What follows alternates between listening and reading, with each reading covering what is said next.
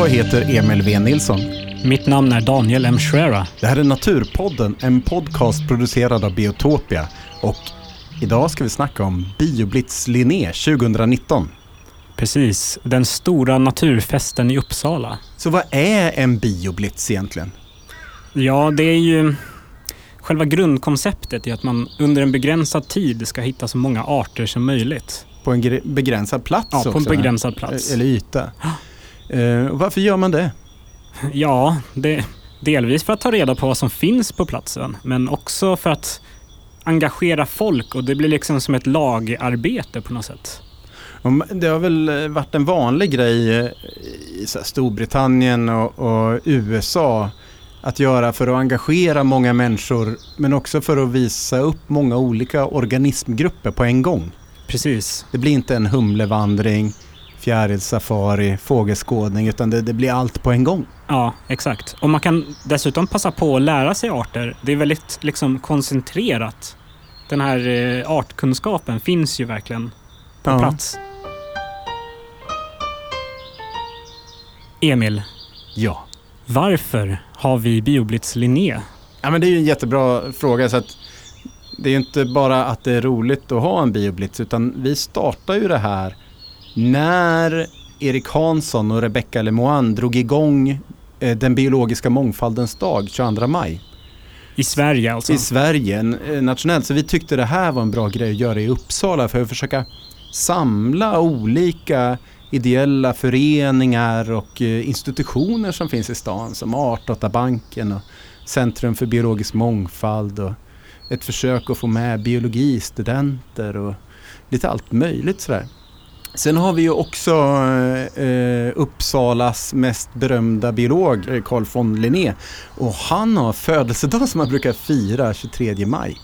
Hundratals år senare. Ja, så att man, ta, pre, precis. Eh, så, och det gör man ju fortfarande.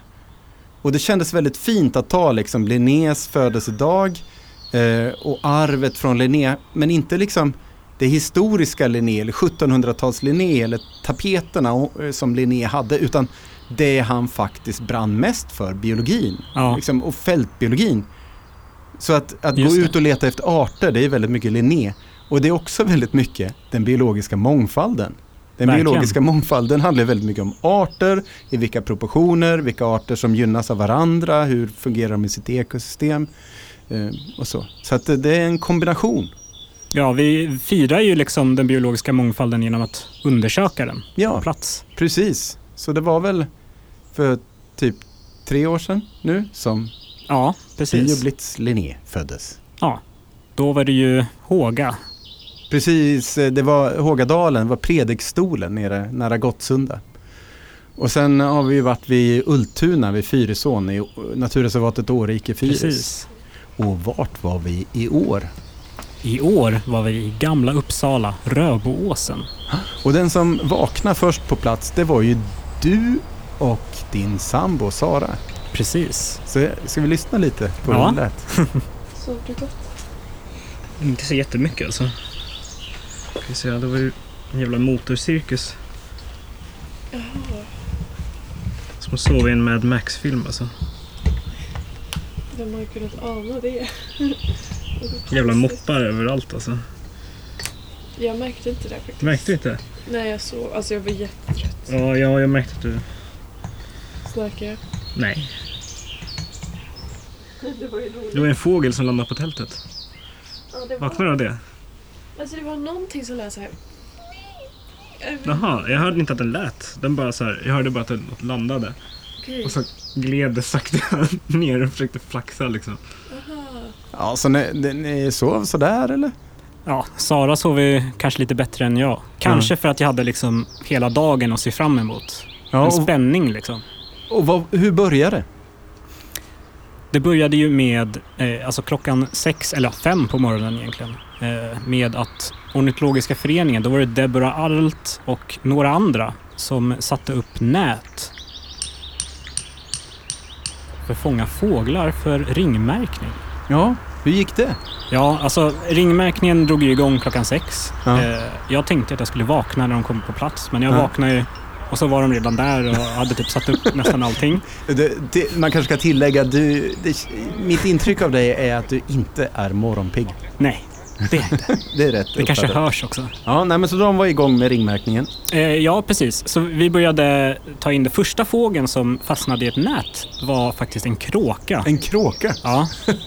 Eh, och det visade sig att den var ju för stor. Vi hade ju liksom ingen ring som passade på en kråka då. Inte riktigt vad de hade räknat med. Nej, Eh, så den här kråkan fick då vara typ maskot för eh, ja, i alla fall en timme av eh, ringmärkningen då. Okej. Eh, och så hittade vi hittade ju faktiskt ganska mycket. Vi hade ju eh, gulsparv, vi hade blåmes, vi hade träkrypare, rödhake. Ja, jag missar säkert flera. Ja, vad kul. Var, var det några andra som fick se de här fåglarna? Det var ju ett gäng. Vi var ju kanske åtta, nio pers Ja. ungefär. Eh, men det, ja, det var ju en, inte den, liksom den breda allmänheten som var där. Det var ju en intresserad skara. Precis, något säger mig att de kommer inte klockan fem, sex på morgonen. Nej, och det är ju synd på något sätt för att det är ju väldigt spännande att se på ringmärkning. Man Ja. får se de här fåglarna väldigt nära. Liksom, eh, Deborah höll på att blåsa på buken på dem för att se Fettet. Eh, ja, fettet eller där de hade ruvat liksom. De, Ru- de tapp- Ruvfläcken. Så heter det. Ja. Precis, den kala fläcken på magen. Okej.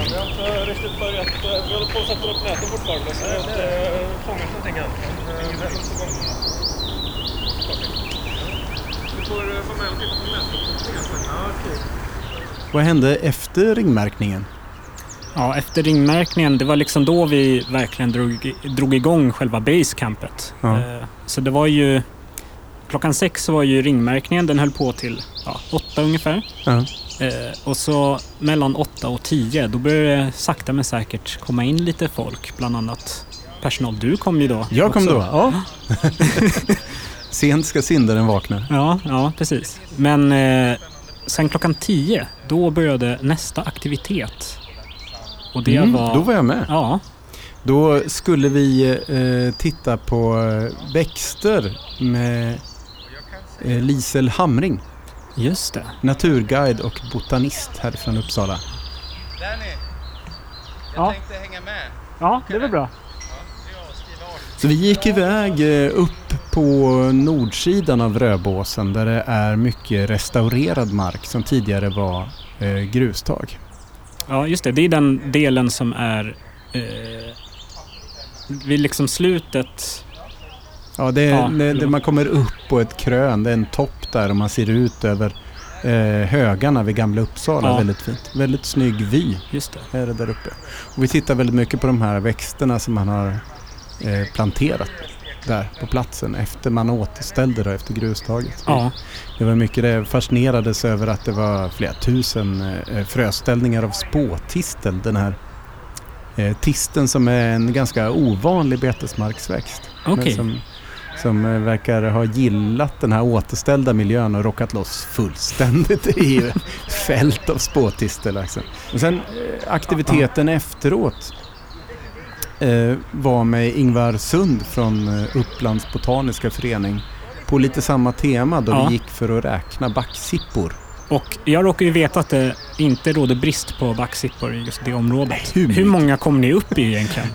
Eh, vi, ska, vi ska lyssna på det alldeles strax, men vi räknar inte alla backsippor på Röbåsen för då hade vi nog kommit upp i ja, ja, ja, mellan 20 och 100 000 backsippor tror jag. Så ni hade varit klara nu ungefär? Ja, precis.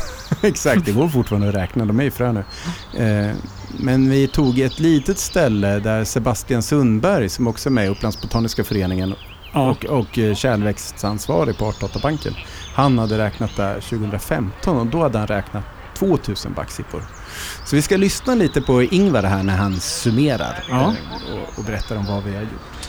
Eh, ja, jag heter Ingvar Sund och kommer från Upplands eh, botaniska förening. Jag har lett en vandring här eh, på Röboåsen där vi har räknat backsippa. Det är ett speciellt område som ligger en öppen äng eller öppet område alldeles öster om den högsta punkten på åsen.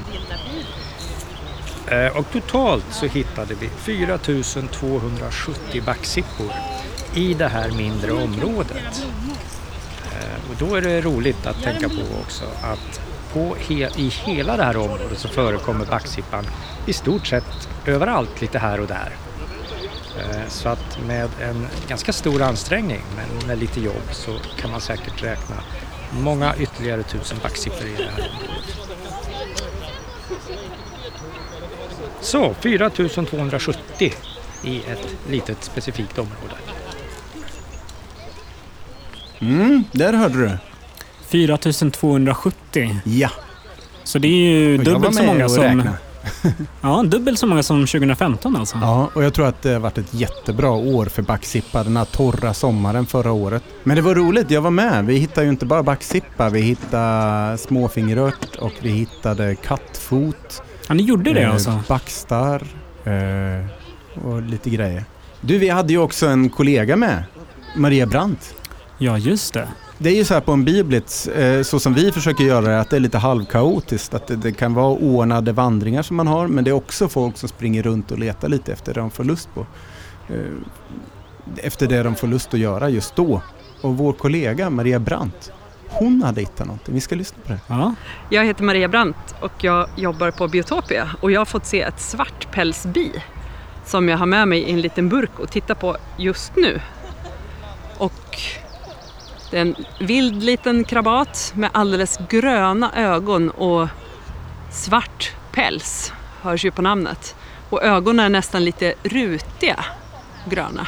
Och så har den alldeles liksom bronsgyllene färg på håren där det ska bli pollenkorgar sen. Den samlar pollen från olika växter. Och den trivs här där det är så här sandigt som på Röbåsen. Det är ett sånt här grävande bi. Mm, nu ska den få flyga. Svartpälsbi alltså. Har du sett det? ja, bara på bild. Ja. Jag missade nog det riktiga exemplaret. Ja, vi såg faktiskt det vid Ultuna också. Då Ja, var det vid Kunskapsträdgården där uppe som, som några hittade svartpälsbi. o- okej. Och det är en art som är rödlistad som sårbar, men som har blivit mycket vanligare runt Uppsala. Så fakt, faktum är att biet nästan dog ut ur Sverige eh, för, eh, vad kan det vara, fem, tio år sedan? Tio, Ja. Säkert tio, ja. Så, eh, men nu eh, i eh, Stockholm-Uppsala-området har den återtagit den utbredningsområde som det hade på 50-talet. Vad häftigt. Så att Men, men har det att göra med de här restaureringarna då? Att man har Ehm. restaurerat många torra... Det har säkert gynnat dem lokalt. Ja, och, och på tal om eh, Maria Brandt. Hon eh, hade en aktivitet som var lite annorlunda än de andra som vi hade den Mm. dagen, eller hur? Tillsammans med Sara Bäckman så Precis. körde de artbingo på persiska, eh, arabiska och eh, dari och eh, Tigrinja också. Ja. Så vi, vi kan lyssna lite. Vi har fått till lite inläsningar här. Vi ska höra hur det låter. Ja. Hej, jag heter Moa och jag pratar persiska. Eh, امروز ما رفتیم توی طبیعت و گونه های گیاهی و اه، جانوری مختلف دیدیم و یکی از گونه هایی که من پیدا کردم اسمش هست پامتال گاو زبان یا گولویوا på svenska. Ehm, ja, det var jätteroligt. Vad förstod du där, Danny? Gullviva, hörde Ja, jag. jag, jag förstod också gullviva. Det är märkligt att det är samma ord. Eller var det så att de sa gullviva? Men eh, jag känner igen hon som pratar faktiskt. Du gör det? Det är så att hon var med på Bioblitz Fulfjället. Jaha, när vad vi var coolt. Ja. Där, du, du är en riktig bioblitzgigant i Sverige nu. Vi har, vi har ett ljudklipp till här. هاي jag heter eh, Rashad آه، آه، جيت على الغابة وكان كثير نهار بجنن آه، اطلعنا على الشغلات اللي موجودة بهالمناطق آه، من الطيور وفراشات ونحل ونباتات. تعرفنا على نباتات جديدة وأنواع جديدة من النبات.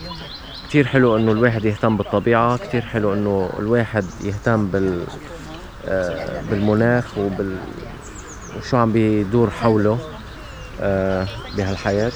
شي حلو؟ شكرا. Ja, det var arabiska va? Eh, jag tror kanske det. Jag tror det, Rashad. Jag, han har varit med på en film som vi håller på att spela in om allemansrätt Just det. också. Vi har också hört att han kan Skön väldigt snubbe. många språk. Så. Okej, han, kanske, han kanske luras. Ja, han är, han är en trickster. Vi har, jag har ingen aning om vad han har sagt där. Så att, eh, det får stå för honom. Men precis. Vi har en eh, inspelning till. Ja. Hej, jag heter Aki och eh, vi har varit här ute i skogen. Jag är mycket i skogen faktiskt, men jag har aldrig tänkt vad som jag har sett idag. Så många, många blommor och små, små som man inte tänker att de är växter. Det var så underbart och roligt vara med eh, gruppen. Ja, hej då. Det var väl kul att avsluta den lilla trilogin med det. ja, en liten summering där. Ja. Det var jättefint att se. Det var jätteroligt att Maria och Sara var med och eh, deras äventyrsgrupp och eh, hangarounds där kring det. Ja. Det tillförde verkligen någonting. De har verkligen en eh, hängiven skara följare där. Ja, ja, ja, det är jättekul. Ehm, och vad hade vi mer? Vi hade ett fjärilsafari också. ja, just det. Vet du vem det var med? Det kommer jag inte ihåg. Det var Bo Söderström. Bo Söderström. Eh, Uppsala-Bosse höll jag på att säga. Så han bor ute i Hågadalen, eh, Hågaby. Eh, där han också är med på, har varit med och ordnat den här fjärilsstigen som vi ordnar aktiviteter från Biotopia på. Men han har ju fotat mycket. Ja, och han har varit ute med, han är ute med en ny bok. Nu. Ja, just det. Det var Nordens- därför. Fjärilar, ja. Så att eh, han var ute och gick med typ 40 pers. Det var tur att det inte kom fler för det hade knappast funkat. Men vi ska höra lite om hur det gick. ja. Eh, ja, jag ska prata lite grann om Bo Söderström om eh, fjärilsvandringen idag. Det var en lyckad fjärilsvandring. Med, eh, trots att det var mulet så var det ändå varmt. 19-20-21 grader. Eh, och vinden var rätt så kraftig men vi hittade lä längst upp i norr vid Röbåsen där och där hade vi bra hjälp av Vera och många andra unga eh, ungdomar som var duktiga på att fånga fjärilar. Så vi hade totalt var det väl åtta arter dagfjärilar om jag inte minns fel och det vanligaste var ju eh, rovfjäril faktiskt. Eh, rovfjäril och rapsfjäril hade vi en hel del. Eh, rovfjärilarna var lite udda för att de var mindre än vad jag förväntade mig och blekare så jag undrar om inte de här har kommit flyttandes söderifrån att det inte var sådana som har kläckts i närheten. Eh, någon enstaka citronfjäril flög fortfarande, en hona. Eh, vi hade flera mindre guldvingar. Den är ju läcker. Mindre guldving och, och grönsnabbvinge hade vi också. Båda är ju små rackare. Eh, mindre guldvingen är ju en av de få arterna som finns på Grönland. Det är en riktig tuffing det. Trots att den är så liten. Larven lever på, vad sa vi nu, bergsyra, ängsyra. Eh, Eh, och sen så hade vi mer. Jo, vi hade två första kamgräsfjärilen flög eh, med sina ögonfläckar på, eh, på framvingens undersida. Eh, och en till flyttfjäril, storfläckig pärlemorfjäril var väl dagens klo får man väl säga. Det är en, också en, en flyttande fjäril med spetsiga vingar som flyger väldigt snabbt som, som Vera lyckades fånga. Nej, som helhet en, en bra dag med 30-40-tal eh, personer som var med. Eh, Artur höll på med steklar samtidigt, så var perfekt. Så är det. Jag ska säga att eh, vi eh, under dagen höll vi på att bygga ett stekelhotell också, ett stort med massa borrade hål och sådär. Eh, och det hörs lite i bakgrunden här eh, när Bosse redogör för hur det gick på fjärilsvandringen. Ja, där har man lite riktigt naturvårdsarbete. Alltså ska det funka, då ska det låta. Visst är det så? Ja, eller hur? Ja, Artur är ju Artur Larsson från Artdatabanken SLU. Ja, stekelexperten. Ja, vi ska höra lite mer av honom senare. Men vi hade ju annat celebert besök också. Ja, vi hade ju en viss eh, jourhavande biolog på plats. Det hade vi. Didrik van Honacker från Naturhistoriska riksmuseet. Precis. Som försökte köra världens mest uppspeedade, eh, hetsiga artjakt någonsin. Så tänk samma hets som det finns i ett eh, reality-tv-kök blandat med eh, att man faktiskt är ute och skådar natur. Det stämmer säkert, men jag, jag- alltså reality-tv-kök. Ja, men alla Vad- matlagningsprogram är ju hetsiga. Ja, jag har aldrig sett på något, men jag har sett Didrik. Vi ska höra hur det låter. Framförallt fåglarna kommer bli sjukt på det. Vill du ha en sån också eller? Ja, om en timme så ska vi komma och köra eh, racer art bingo. På en timme ska vi försöka se 100 art, eller i alla fall försöka se en rad. Ja, till lekplatsen. Okej, jag kommer gå bort så en sväng bara, sen kommer jag tillbaka hit. Men du har ju telefon. Eh, nu är det spännande. Hur gick det egentligen? Nu ska vi få höra på Hittar de svar. hundra arter? Ja, blir det någon bingo? Ah! Hur kan det vara? Vi hittar 77 arter och ändå får vi inte en enda rad. Vad svider mest?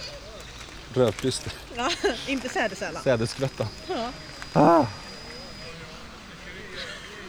Vad är du mest stolt över då? Ja men det var ju roligast att kunna få det här äh, biet. Ja, Snäckmurarbi. Snäckmurarbiet. Eh, och eh, vad tycker du om prestationen av dina medhjälpare? Ja, det var imponerande faktiskt att Moa lyckades hålla jämna steg hela vägen. Stor eloge till henne. Ja, fantastisk insats. Legendarisk. Eller hur? Får de något seriöst på de här äh, mikrofonerna? Ja, alltså Didrik var ju lite besviken då för att även fast de hittade 77 arten så fick de ingen bingo. Nej, men det är inte lätt bingo han har. Eh, nej, nej, nej, nej, det är inte lätt, lätt men han, han missade sädesärla. Jag tror att de missade gulsparv, de missade... ehm, ja... Rödplister. Ja, de kanske hade lite för bråttom. Ja, För att hitta ja, det gick ju väldigt, väldigt, väldigt, väldigt fort. Det var i joggande tempo hela tiden. Det var en, en svettig skara som kom tillbaka. ja, så var det lite lugnare var det ju eh, med Per Bengtsson som eh, var där från Naturskyddsföreningen på Biblitz Linné. Precis. Vad gjorde han? Det var ju eh, med Stekel... Var inte det Stekelhotell? Jo då, vilda bin. Rädda bina är ju Precis. hans kampanj. Och eh, han och naturvårdssnickaren Jochen Schrie- Han jag har ett efternamn som liknar mitt, men det är inte helt mitt. Jochen Schreiber höll ju på att borra och, och såga bambupinnar och sådär hela, hela eftermiddagen tillsammans med Artur Larsson från Artdatabanken. Precis. presentera en art. Vi ska, vi ska höra lite på Per Bengtsson. här. Hej, Per Bengtsson här, Naturskyddsföreningen. Jag har varit här och byggt vildbihotell och kört biquiz och det har varit så otroligt härligt häng med massa nyfikna människor som har bidragit med sina erfarenheter. Jag vill lyfta en art som är lövsångaren som sjunger precis här bakom. Jag är så imponerad. Den väger lika mycket som en körsbärstomat, ungefär 8 gram. Och så har den precis landat här efter att ha flugit över 700 mil. Kanske från Rwanda i, i eh, Kigali i Rwanda. Eh, två dagar eller dygn tvärs över Saharaöknen och tagit sig hit. Den är här fyra månader om året och vi betraktar den som den svenskaste av fåglar. Men den är ju inte svensk mer än bara fyra månader om året utan den är internationell. Det är något att tänka på. Spännande det, vad filosofiskt det blev. Ja, precis. Tänk om jag skulle göra motsvarande resa för min kroppsvikt. Det skulle vara fram och tillbaka till månen säkert. Ja, ja. ja det, det är läckert är det. Verkligen. Annars var det kanske rödstjärt och göktyta som var Biblitz Linnés eh, främsta fåglar i år. Ja, Den här rödstjärten satt ju och sjöng hela tiden och det kommer säkert höras i några av inspelningarna här. ja men precis. här också. Och göktytan var ju igång ibland men det är ju en läcker fågel som man reagerar på. Ja. Cool alltså. Man hörde den en del på kvällen innan. Ja, och på morgonen. Och sen på kvällen igen. Men inte mitt på dagen så mycket när det var Nej. som mest folk. Men vi fick ju höra eh, av Lasse Fröjdlund från eh, Upplands eh, fågelskådare som, sa, som eh, ringmärker de här göktytorna. Han kontrollerade, han sa att den hade lagt ett ägg då. Okej. 18 maj. Så det är ju det är ju coolt. Så förökning under, ja, under Pågår. Bibelits. Förökning pågår. Ja, eller hur? Det är ju coolt. Eh, vi har ju hört lite röster här av eh, Erik Hansson och Moa Pettersson. Och de hittade ju en, en ganska läcker eh, organism. Ja, få höra nu. Ja. Någonting med en smiley. Ja, hejsan. Nu är vi härifrån Biologiska mångfaldens dag-initiativet. Så det är jag, Erik Hansson. Och Moa Pettersson. Och vi skulle presentera en art som vi har hittat, eller rättare sagt som Moa har hittat får vi säga, som är guldspindel. Vad kan du säga om den Moa? Eh, ja men den, det är en ganska liten spindel, vad kan den vara? 5 mm kanske? Ja. Eh, den är svart i sin grundfärg och sen har den lite prickar på bakkroppen. Fyra prickar men det är framförallt två som sitter mitt på. Och ihop med att det är en liten gulböj, som, ja, en liten bananböj längst ner så ser det nästan ut som att den har en stor glad gubbe på bakkroppen. Mm, Så den är väldigt karaktäristisk. Smiley-spindel ungefär kan man säga. Väldigt, väldigt trevlig. Se om det kommer upp någon eh, bild på den kanske på eh, Biotopias hemsida. Har den lite att jobba med. Ja. Mm, tack för idag! Tack! Tack Erik för att du försöker göra vårt jobb. Du kan ju lägga upp din egen bild på guldspindel eller något. Nej. Jag kan ta en vargspindel eller en liten smiley. Ja, lite sm- spraya. Tagga den. Tagga den. Gör det den. Gör det, gör det. Nej, men det är klart vi ska lägga upp en bild på en guldspindel. Det är Ja. det minsta vi kan göra. Det klarar vi av. Vi har ju pratat lite om eh, blommor och bin nu. Ja. Och det började ju med fåglar. Men fåglarna kom tillbaka lite på Bioblitz Linneo på ett väldigt praktiskt sätt. En fast installation som invigdes. Precis. Och, En viss... Eh, ett torn. Precis, vi, vi, vi har den lite som en cliffhanger. Det Ja. kommer ett torn. Men innan dess så höll Karin Lindström från Biotopia, Lasse Fröjdlund och Debra Art från Upplands Fågelskådare, de höll i en, höll, de höll i en tornseglar-holksbygges-workshop. Så det var alltså bygge av tornseglarholkar. Mm, och det var ett gäng som höll på med det. Och det hela avslutades ju med någonting väldigt speciellt. Okej. Så i var- där, ni som har byggt lite tornseglarholkar, ni vet hur de ser ut. Där ser ni att det är massor. Det är, vad är det? En, två, tre, fyra, fem, sex, sju, kanske 20 stycken.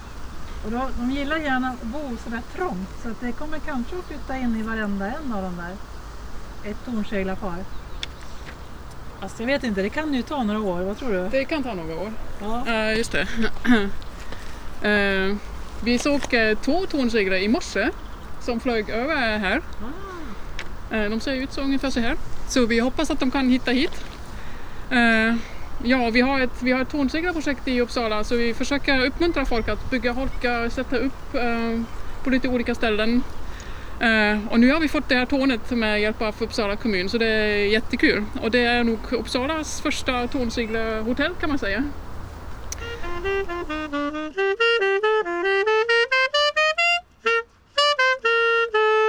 Nu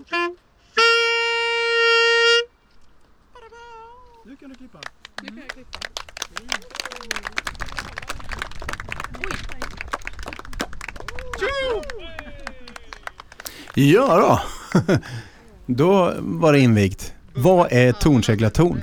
Ja, det är som Karin sa, det är liksom en klunga med flera holkar, tornseglarholkar då, som sitter eh, liksom fäst på toppen av en påle. Mm. Så den var, vad var det, mer än ja, 10 meter upp eller något sånt. Ja, Nej, jag vet inte, se- kanske sex överdriv- meter tror jag, meter. ungefär. eh, Knappt. Men, och sen så är det 12 holkar som liksom sitter i en klump. Ja. Så det ser ut som, eh, ja det finns inget annat att jämföra det med liksom. Det är som en eh, stolpe och så sitter en träkloss i toppen liksom, med Ja. massa hål i. Ja.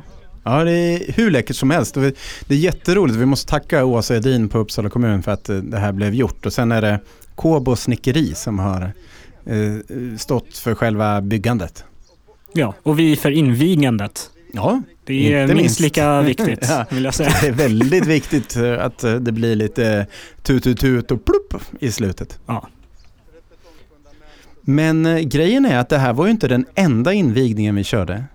Nej, och för det så måste vi liksom gå tillbaks till det vi började prata om och det är ju bina. Bin. Eller, inte absoluta början, men ganska tidigt då. Vi pratade om bina och bin, många bin som lever solitärt, de vill ju ha någonstans att lägga sina ägg. Och någonstans att lägga in lite pollen till deras larver. Precis, och det är de här hålbyggande vildbina. Vi Och de bygger ju då i, normalt sett i hål som har skapats av olika vedlevande insekter då. Ja, skalbaggslarver. Mycket. Precis. Och så i brist på de där miljöerna så skapar man eller skapar vi då ett stekelhotell. Mm. Det är ju en väldigt fin liksom, annonsskylt för vildbin och som symbol för det här binas minskning och att man kan, behöver tänka på att hjälpa dem på något sätt. Ja. Så det är, det är jättebra och det är fint att göra det på Röbåsen där väldigt mycket är gjort för eh, vilda bin och eh, de växter som de pollinerar som finns mycket. Men det är ju framförallt grävande bin då. Så att Precis. det kan ju saknas eh, Där håligheterna i ved, Ja. i trä. Och eh, vi hade ju Artur Larsson från Artdatabanken SLU med oss nästan hela dagen och han borrade och han borrade och han borrade. Och i slutet av kvällen, då fick vi höra det här. Jaha, kära bivänner. Det här är resultatet av dagens eh, mödor. Eh, är det så att ni har en stund över efter jobbet så får ni gärna komma hit med en lång borr och fortsätta borra. After work med jobbet kanske. Eh, vi fyllde det här ganska bra, så det var ganska bra jobbat faktiskt. Jag trodde nog inte vi skulle lyckas med så här många hål. Eh, ja, varför gör vi det här då? Jo, det är för att det fejas och det städas och landskapet blir trist och för bina råder bostadsbrist. Så för att göra något åt detta hot har vi hittat en bot. Så denna vackra rödbokväll inviger vi detta stekelhotell.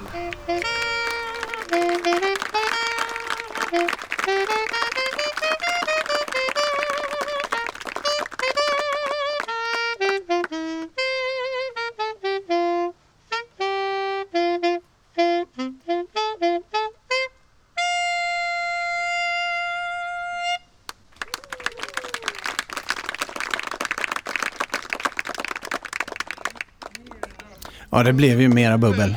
Ja, sen blir det svart efteråt, eller hur? Ja, det, det blev väldigt mycket socker.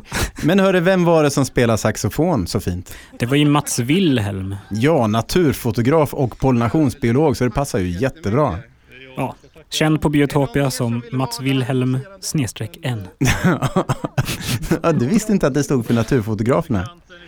Nej, jag trodde inte man kunde lägga anspråk på en bokstav bara sådär. Men Ja, nej, de har snott den. De har, du, du får det, de har en. Ja. ja. Och sen, du drog ju hem.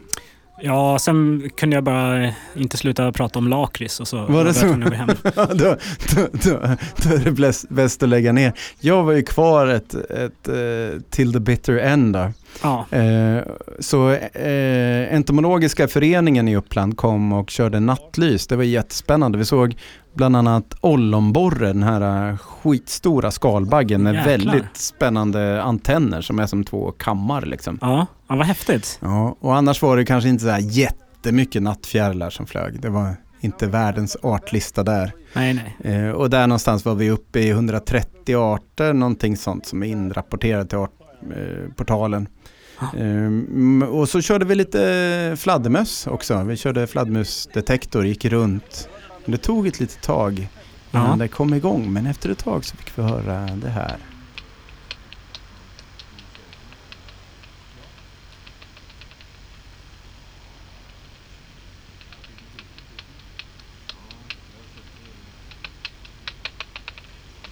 Och det här är nordisk eh, Det är nordisk. fladdermus. Ja. Eller vad heter den? Het, nordfladdermus. Ja, just det. Det är så de heter nu ja. Ja, och eh, dvärgpipistrell. Det var de två arterna vi, vi hittade där. Okej. Och det är väl lite så att jag kan inte så många. Jag tror jag kan fyra fladdermusarter. Och eh, vi behöver nog experthjälp för att få in någon mer. Och eh, vi, det finns inget stort vatten liksom i närheten så vattenfladdermus fick vi inte in och stor fladdermus hörde vi inte. Nej, okej. Eh, Så eh, det är de, de två arterna. Men det var lite roligt för att tidigare var det bara fälthare som var rapporterat som däggdjur ifrån Ja, Rödåsen. och vi har inte rapporterat människan. Nej just det, Nej, det är det, det du vill hela tiden. Vi kan inte missa den uppenbara arten liksom. Du är så antropocentrisk. Människocentrerad. Ehm, ja, och det, det var ungefär det som hände egentligen. Så hur, hur vill du summera årets Bioblitz Linné? Det var ju väldigt lyckat tycker jag. Vi fick verkligen till den här eh, stämningen som vi är ute efter. Det här med att det händer saker runt omkring hela tiden. Man ska kunna komma, det ska vara lite som en marknad av olika eh, händelser, olika naturaktiviteter. Mm. Eh, Och förhoppningsvis där man också kan lära sig någonting vid varje aktivitet. Jag tycker det blir jättebra det här med Per Bengtssons quiz och att man kunde borra till Stekelhotellet och så var det de här vandringarna, Fjärilsvandringen till exempel. Vår kollega Anna Lagerqvists eh, barnvandring och, och hela det myllret som vi hade Ja. där. Ett tag var det väldigt så. Och så var det Naturskyddsföreningen som körde naturfalkentagning. Just det. Eh, och eh, det kom mullegrupper från Friluftsfrämjandet. Väldigt trevligt tycker Ja. jag. Väldigt skön stämning. Det, det är ju väldigt ofta med sådana här arrangemang att vi känner att det skulle kunna kommit mer folk. Ja, så är det ju alltid. Ja, men, men, och vi hade nog inte mer folk i år än förra året utan ungefär lika mycket. Jag vet inte. Men det 200-300 kändes pers, liksom. lite mer ändå på något Ja sätt. visst gjorde det, för lite mindre rum som vi Ja. var i rent liksom i landskapet så. Men jag tyckte vi hade den bästa stämningen hittills. Att eh, det Ja. var himla kul och så roligt. De som kom alltså. Ni ska ha en stor eloge. Och, Jo, men eh, verkligen. Gratis eh, bubbel. och en fanfar. Flaskan är kvar här. Och allt så. Det var alkoholfritt. Ja, Äppelmust. Men i alla fall, eh, gott var det. Så det var, det var jätteroligt. Och sen så blev ju jag kvar där då. Så att eh, jag Ja. satt där vid ett eldfat på natten och det var lite småregna och sen gick jag och la mig. Ja, hur såg du den, den natten då? Nej, sådär. Jag, men det var, jag hörde ju inte något eh, folk eller så eftersom det Nej. var så blåsigt och regnigt liksom. Ja. Och sen vaknade jag klockan sex och började plocka ihop liksom. Nu är klockan eh, sex på morgonen dagen efter och nu är det helt klart slut för det här året. Tack och hej leverpastej. Så vi får väl säga ett stort tack till alla som var med på Bioblitz Linné 2019 och också blicka framåt. Precis, Bioblitz Linné 2020. Ja, vart ska vi vara? Vi har fått in lite olika förslag faktiskt. Vi har fått in förslaget eh, Hammarskogsområdet. Att vara där, Ja. att vara mer i kulturmark. Just det. Där finns ju, har ju kommunen byggnader och sådär så det finns en viss logistik. Naturskolan finns där. Det finns mycket möjligheter ja, med det det. finns många olika miljöer där också. Det finns det verkligen. Det finns eh, Dalbyviken, Dalkarlskärret, eh, betesmarken Toran med Finnögon, Tröst och så vidare. Vi har också snackat lite löst om Ulva kvarn för de möjligheterna som finns med det. Ja, precis. Eh, Det är ock- också väldigt Ja. varierat där. Det är ett av Uppsala kommuns smultronställen. Men generellt sett så har vi varit på Linnéstigar och de här två platserna vi pratar om, de är faktiskt inte Linnéstigar. Så Nej, ett- är, vi vill ju hålla Bioblitz Linné på något sätt. Ja, vi vill ha Linné med på något sätt. Eh, ett förslag som, är, det, mitt radikala förslag det är ju studentvilan på Ljungskilsstigen. Ja. Längst bort, längst in i skogen. Det vore lite coolt. Det Ja. kanske inte blir mer folk som kommer om man gör något sånt. Men det blir hårdare, tuffare. Mer... Det är Bioblitz Linné Extreme. Ja, precis. Man säga det som. extreme. Join us for student No. Don't, don't die in the swamp. Tack och hej leverpastej.